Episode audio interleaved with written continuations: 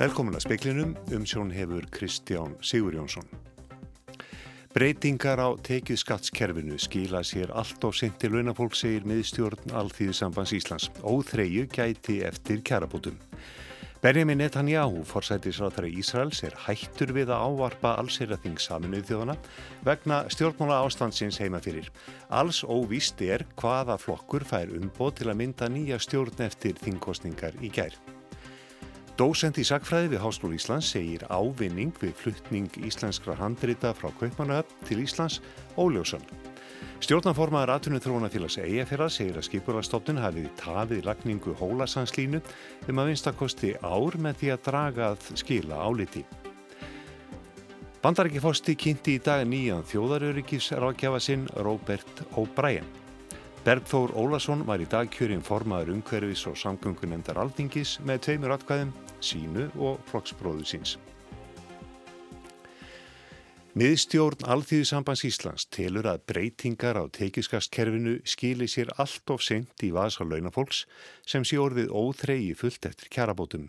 Þá þurfum við að beita skattkerfinu enn frekar til að auka jöfnuð í landinu.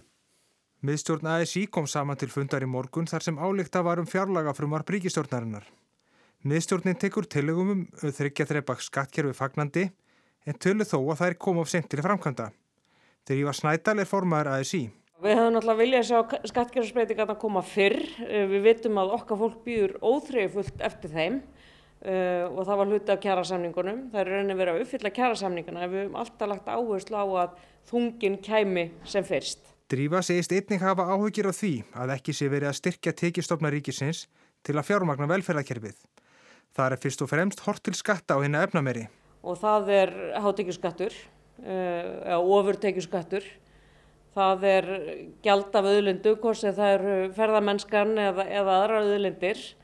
Eh, það er að vera með betra skatta eftir lit. Það er, við hefum lengi bent á, á það að fjármastekjuskatturinn er á lár á Íslandi. Þetta var Drífa Snædal, formaður Alþýðu sambands Íslands. Magnús Geir Eyjólfsson tók saman og talaði við hana.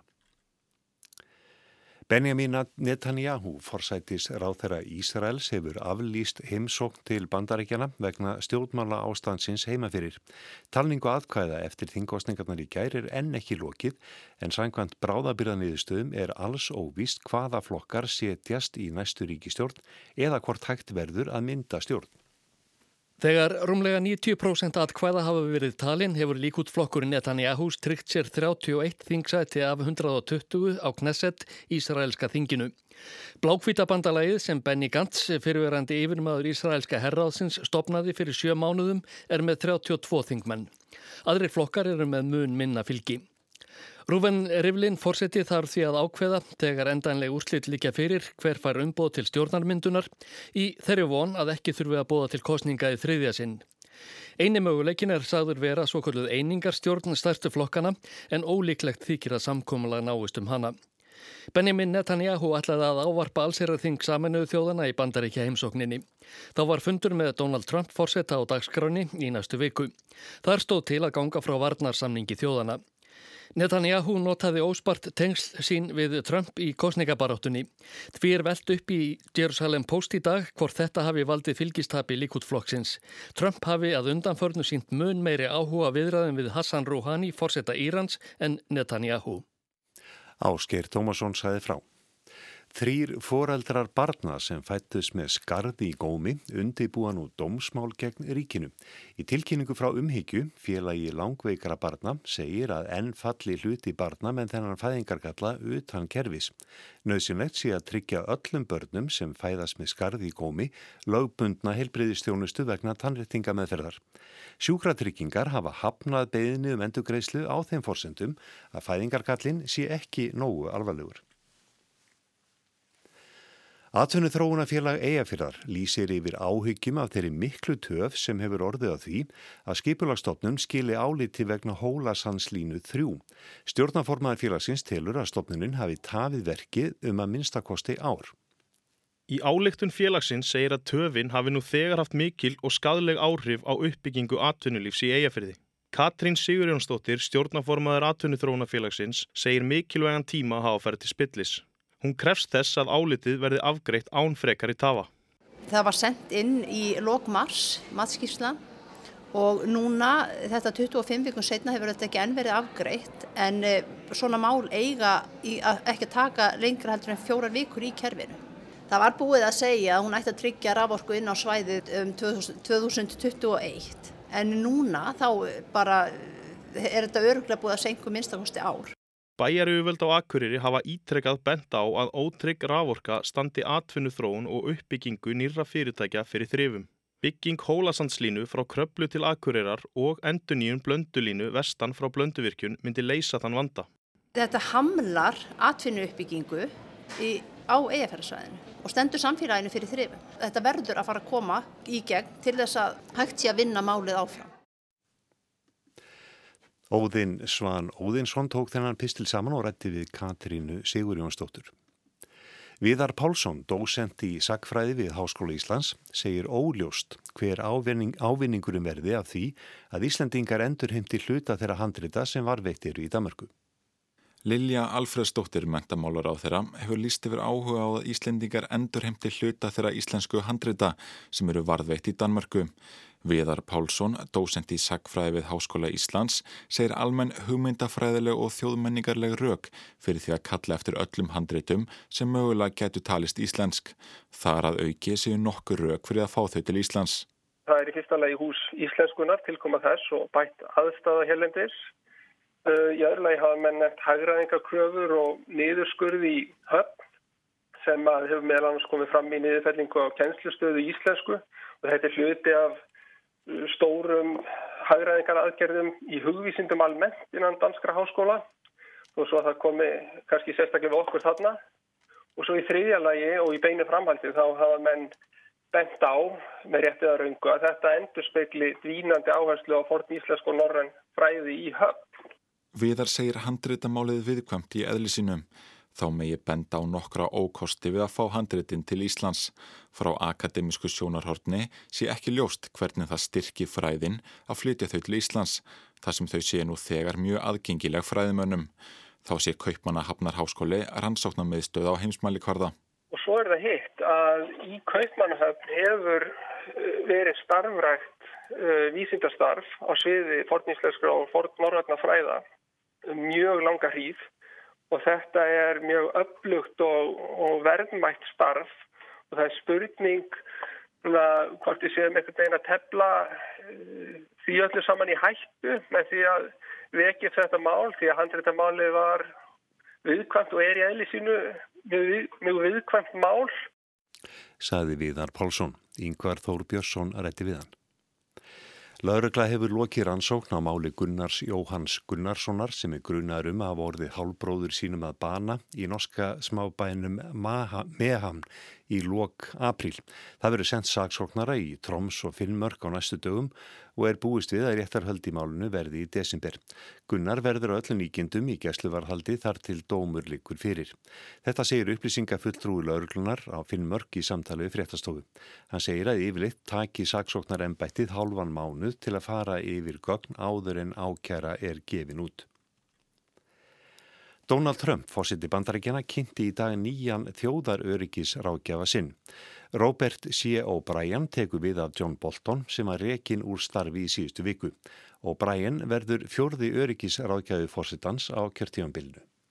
O'Brien hefur síðasta árið verið sérstakur fulltrúi fórsetans í gíslatökumálum hjá utarrikisræðunni til bandarækjana. Trump sagði á Twitter síðu sinni að þeir hefðu unnið mikið saman og hann var í handvissum að O'Brien myndi standa sig vel sem nýr þjóðaröryggisræðgjafi. Aðtegli vakti þegar O'Brien mætti sem sérstakur fulltrúi bandarækjaforsetta til Stokkólm síðastliði sumar. Hann fylgist þar með réttarhöldum yfir bandaríska rapparanum A$AP Rocky sem var ákerður fyrir ofbeldi gegn ungum svíja. O'Brien neitt að svara spurningum fréttamanna um ástæðu þess að hann fylgist með réttarhöldunum. Trump fór fram á það við forsettisrað þeirra svíja áður en réttarhöldin hófust að rapparanum erði sleft úr gesluvarðhaldi. John Bolton, forveri O'Brien í starfi þjóðar öryggisráðgjafa, var rekin í síðustu viku. Það var í kjölfarið á tilraunum fórsetans til að liðka fyrir samskiptum bandarækjara og ráðamanna í Norður Kóreu og Íran. Bolton hafði ekki farið í felur með afstöðu sína í þeim umleitunum en hann álítur ráðamenn ríkjana ekki trössins verða. Bolton hafði tekið við starfinu af Herbert Raymond McMaster sem listi Michael Flynn af Holmi. Andri Irkill Valsson saði frá. Matvælastofnun barst í gær tilkynning frá fiskjaldi Östfjörða um gött á nótarpoka í einni sjókví fyrirtækisins við glímeiri í Berufyrði. Götin uppgötuðust við köfun í kví og er viðgerð lokið að því segir í tilkynningu frá matvælastofnun. Sankvæmt upplýsingum frá fiskjaldi Östfjörða var stærsta gatið á 1 metra dýpi, tvísasinnum 15 cm. Seks önnur gött voru á kvinni. Um 150.000 laxar voru í sjókvinni og var meðalþing þeirra 530 gram. Síðast var farið í köfunar eftirlit fyrir rúmum þremur vikum, 22. ágúst og þá var nótarpókin hill. Eftirlitsmenn matalastofnunar skoðuðu aðstæður hjá fyrirtækinu og fara yfir viðbröð þess. Fiskeldi Östfjara lagði út net í samræðu fiskistofu til að kanna hvort laxar hefði sloppi úr kvinni. Netana hefur verið vitjað og það sem engin lax veitist hefur veiðum verið hætt. Bergþór Ólason var í dag kjörinn formaður umhverfis og samgöngu nefndar alþingis. Hann greitti sjálfum sér atkvæði og flokksbróðir hans, Karl Gauti Hjaltason, greitti honum einni atkvæði sitt. Aðri nefndamenn sátu hjá. Bergþór segir þó stuðningin við sig, við sig viðtækari bæði innan nefndarinnar og utan hennar. Bergþór var formaður nefndarinnar á síðasta þingi. Hann let þó af formensku eftir klausturmálið. Hann segist ætla að læra að málunu. Þegar maður kemur sér í svona stöðu þá reynir maður að læra því og tekur það með sér til framtíðar sem að maður telur sér geta verið til bóta hvað sjálf, mann sjálfan varðar og það mun ég halda áfram að gera hér eftir alveg eins og ég hef gert síðan ég komir í þessa stöðatninglokk uh, nógumber. Sæði Bergþór Ólásson.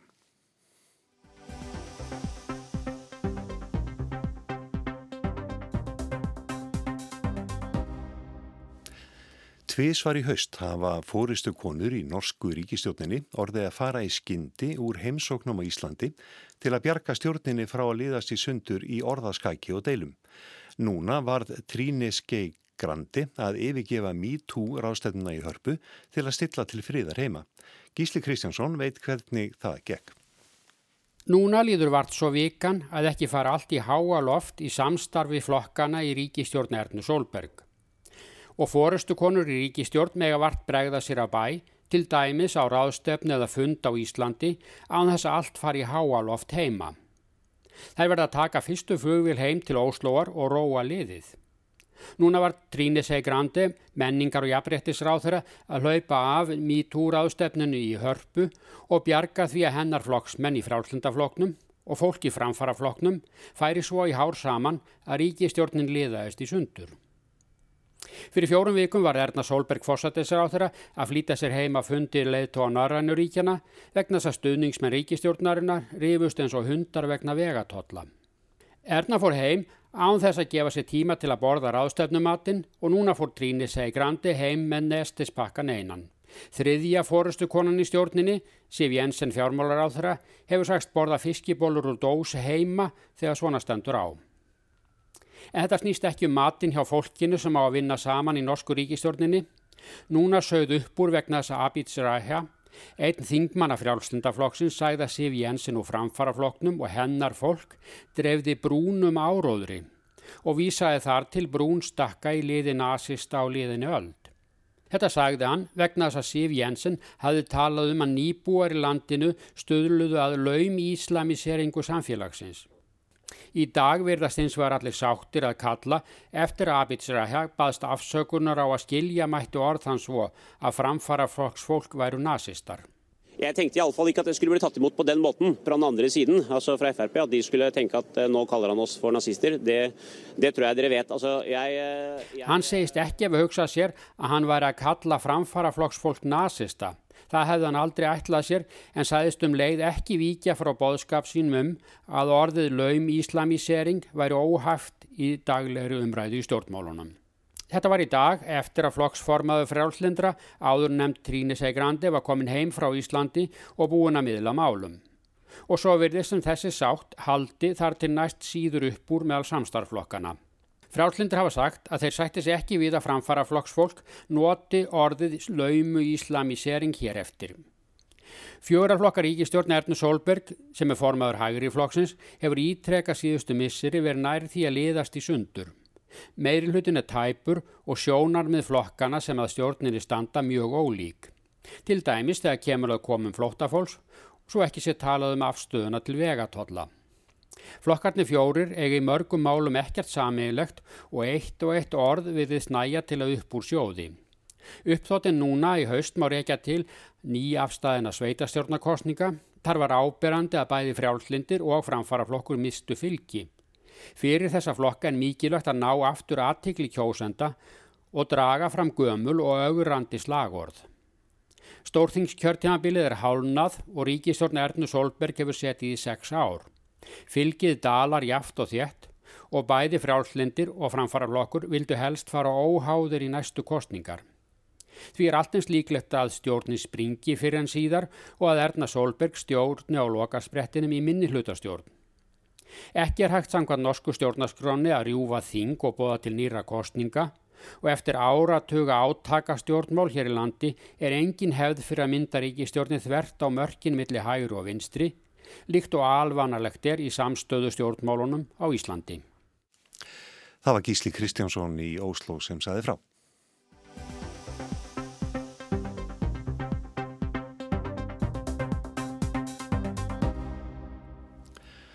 Annar dagur alþjóðlegu MeToo ráðstefnunar í Hörpu í Reykjavík var í dag. Hún er haldinn í tilitum þess að tvö árið um þessa myndi liðin frá því að MeToo bylgjan fór á stað. Og það var mikið rætt spáð og spekulurið í dag í allskynns málstofum. Anna Sofía Víkingsdóttir, félagsfæðingur og jútókuna frá Akureyri og Þórei Viljánsdóttir á gefi hjá Kapasend eru á meðal 800 þáttakænda á rástefni og þær voru reyndar saman í einni málstofunni og heldu þar erindi í dag. Þórei, um hvað voru þið að tala í þessar málstofu? Já, við vorum að tala um svona hvernig, jafnbretti, já, hvernig það er að byrtast inn á bæði stopnunum og í fyrirtækjum og vorum að tala svona af reynslur mjög ólíkum áttum. Það var mjög gaman af því og ég verði nú að segja að þegar maður fer, maður er fyrir á margar svona raðstefnur þar sem maður er verið að fjalla um jafnbrytti að mér fannst þetta sérstaklega skemmtileg málstofa og þá er ég ekkert andal að tala um eriti mitt, bara hinna að hérna það var nefnilega, við vorum bæða að ræða þarna um íþróttir, svo vorum við svona almennt að ræða bara um svona pólitíska stefnumótun og, og svo var ég að fjalla svona um þetta með inn í fyrirtækjum. Þannig að vorum að tala um þetta bæði svona á þessum að maður segja svona makro og mikro level. Þannig að það var alveg, þetta var mjög áhugavert. Eh, Anna, svona, ég sá þarna svona fyrirsögnu ykkar málstofu, þetta var hvað um svona stopnunavæðingu slæmur að viðþorfa. Já, ég raun og veru hvernig við ætlum að takast á við uh, stopnunavæðinguna og þá svona kynja misrætti sem að byrtist í henni. Uh, það var svona yfirskrift og hvað gerum við næst var kannski svona megin þema líka ráðstefnunar mm -hmm. hvað tekur við? Já, nú hefur eh, nú eru hvað tvö á liðin frá þetta fóra stað mm -hmm. hvernig sjáu þið hvað, hefur eitthvað gerst, hefur eitthvað breyst á þessum tíma? Anna? Já, mjög, mjög mikið hérna, ég fór um yfir það á þann að sko verkefni sem ég var að tala um sem heitir Jafnbrettsvísir að ég fór stað með það í byrjun árs 2017 og hafði þá einhvern veginn að því að unni í jafnleitsmálum örglega í svona 20 ár hafði veginn á tilfinningunni já þú veist þetta er, það er einhvern veginn að verða til hérna einhver svona eftirspurn eftir svona ræða jafnleitsmál, setja sér ákveði markmið og stefnu jafnleitsmálum og, og svona reyna að horfast í augu við það að það er, það er mjög ábútafant að, að vinna þessum máluflokki innan fyrirtækja. En þá vissi ég ekki og sá ekki fyrir auðvitað að það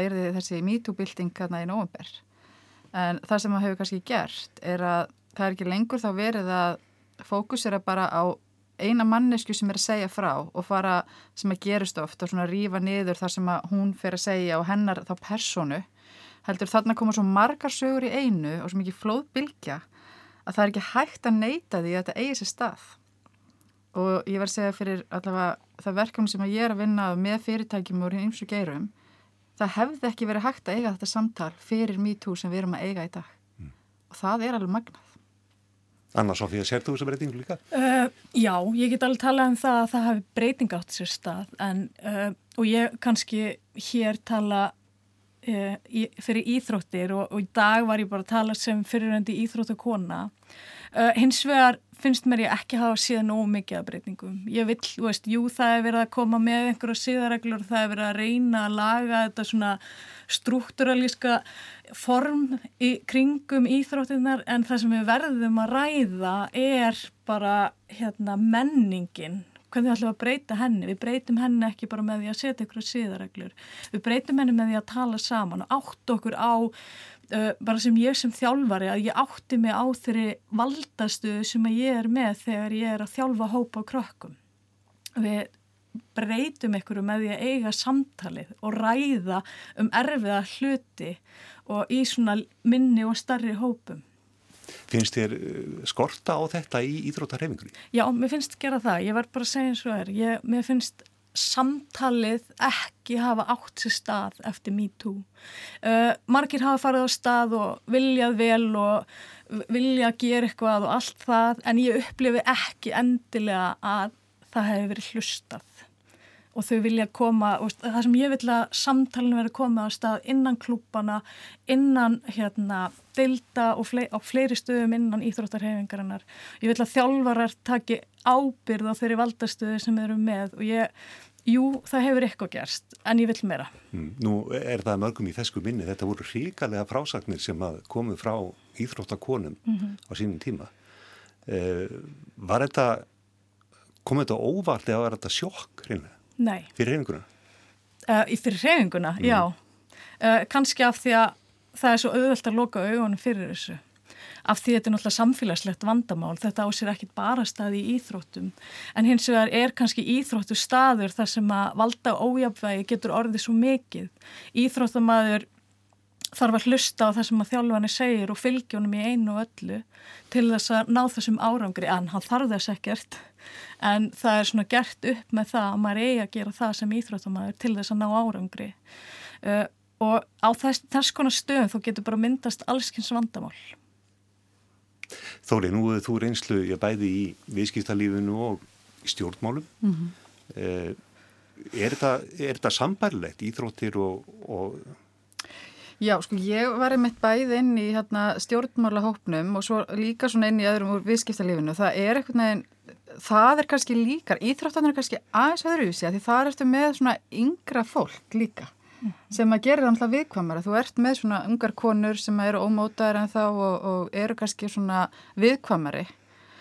En hérna en þetta er svolítið það sama og ég er svo, gæti ekki verið meira sammálaðir í svo að þú veist maður segja með sko, við erum með þessa svona reglur og, og ég, við verum að passa okkur á, við erum ekki endalust með einhverja sáttmála á þess að taka samtalið Veist, þetta skiptur allir máli er að ræða um það sem er að gerast hjá MeToo og, og, og varðandi MeToo og þessar sögur og, og komi veg fyrir að þetta gerist aftur og það verður að vera miklu afdráttalauðsara heldur en það hefur verið hjá flestum fyrirtækjum, stopnunum og ég segi nú bara geirum, ég meina sömur geirar hafa bara ekki tekin eitt á þessu svona almennt og þó að við vitum að það séu sögur sem voru fræðilegar og hérna og það þarf að gera það á svona meira kannski þessu svona, maður segi maður og mann, samtalinu. Og, og hérna og, og ég eins og með íþrótarhefingunni, ég náttúrulega hef ekki verið inn í henni en svona utanfrá séð get ég ekki séð að sé verið að gera mikið. Ég ánum tvei börn sem eru í íþróttum bæði stelp og strák og ég hef sem foreldri ekki fundið sérstaklega fyrir því að, að hérna til dæmis dótti mín sé eitthvað örugar þar heldur hún var fyrir tveimur árum. En þú veist, ég held að flestir myndu vilja það samtal mm -hmm. og vilja fá þá einhverjum svona staðfestíku á því að þar sé eitthvað að eiga sér stað eitthvað samtal mm. og við verðum bara að tala um líka þessa svona þessa undirliggjandi svona kynbundnu fordóma sem að eru eitthvað neginn svona rótgrónir í okkur samfélag og þessi menning sem að er bara og það er eiginlega svona sem er kannski sama sem merki allstar, hvort sem vorst í íþróttarhefingunni inn í atvinnulefinu eða í stjórnmálunum að það er eitthvað neginn þessi menning þar sem við erum að máta allt við ákveðna stereotýpur og við erum ekki að hleypa konum endilega af út af því að þær eru ekki nógu mikið svona eða nógu mikið hins einn og ég var einmitt að sjá mjög hérna, flotta nálgum frá hérna Línin sem að Séril Sandberg er með og er unni mikið með með kynnseg líka að.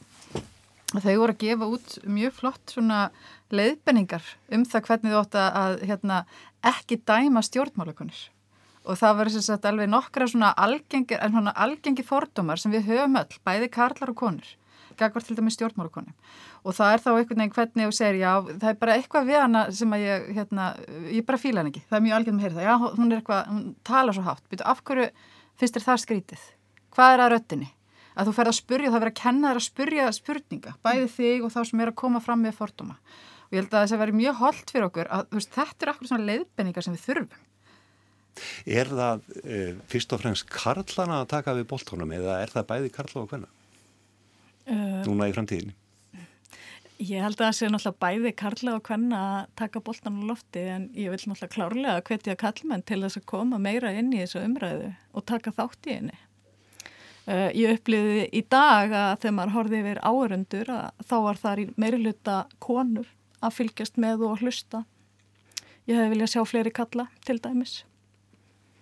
Já, það er eitt sem að, hérna, ég er svo ánað með, með eins og okkar verkefni. Við erum að fara inn í fyrirtækin að tala við starfsfólki. Þá erum við að tala við Karla bara á þeirra heima velli.